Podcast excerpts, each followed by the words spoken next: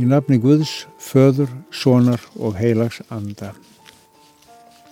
Þegar Jésús predikaði í Nazaret, þar sem hann ólst upp, las hann spátum um Messias úr spátumsbók Jésaja, sagði það eiga við um sig og það hlutverk hans að bóða nýja tíma. Við skulum heyra þau orð og 61. kapitula Jésaja. Andi drottins er yfir mér því að drottin hefur smurt mig.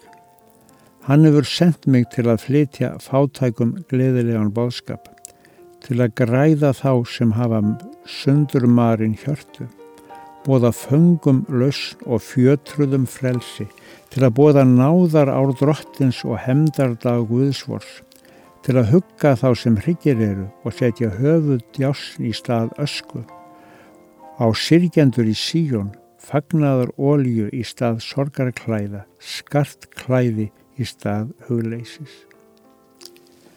Svo morgur og þau orð, þar sem við tökum undir lofgjörðum frelsaran Jésum Krist, notum til þessi sálm danska skáldsins Brórsons sem Helgi Haldanusson þýtti. Hugur minn til himna snú, lát þú munnur lofsöngl hjóma, lofgjörð Jésu nafni róma, tunga mín það tegna þú. Jésu nafn mitt hjarta hrífi, reykja kvíða minn og sorg, glöð og þakklátt svo að svífi söngröð mín að dýrðar borg. Jésu nafni náðar lind, dýrlegs frelsis fyrir bóði, fríðardagsins morgun róði lækni stómur dýru við synd.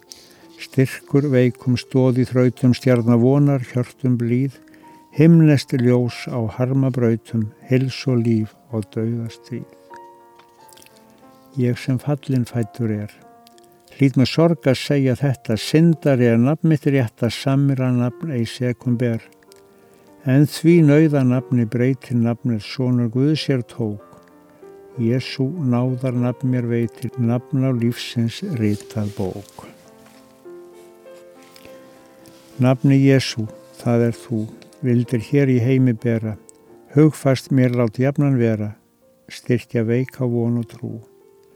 Látið nafn að sísta svefni, svölun andans veita mér, gef það blessað nafn ég nefni, nær ég seinast hérðan fer. Og við það bætum við bæinn drottins og segjum, Fadir vor, Þú sem ert á himnum helgist þitt nafn, tilkomið þitt ríki, verði þinn vilji, svo jörðu sem á himni. Gef oss í dag vort daglegt brauð. Fyrir gef oss voru skuldir svo sem við erum fyrir gefum vorum skuldunautum. Egi leið þú oss í fresni, heldur frelsa oss frá íllu, því að þitt er ríkið, mátturinn og dýrðin að eilífu. Amen.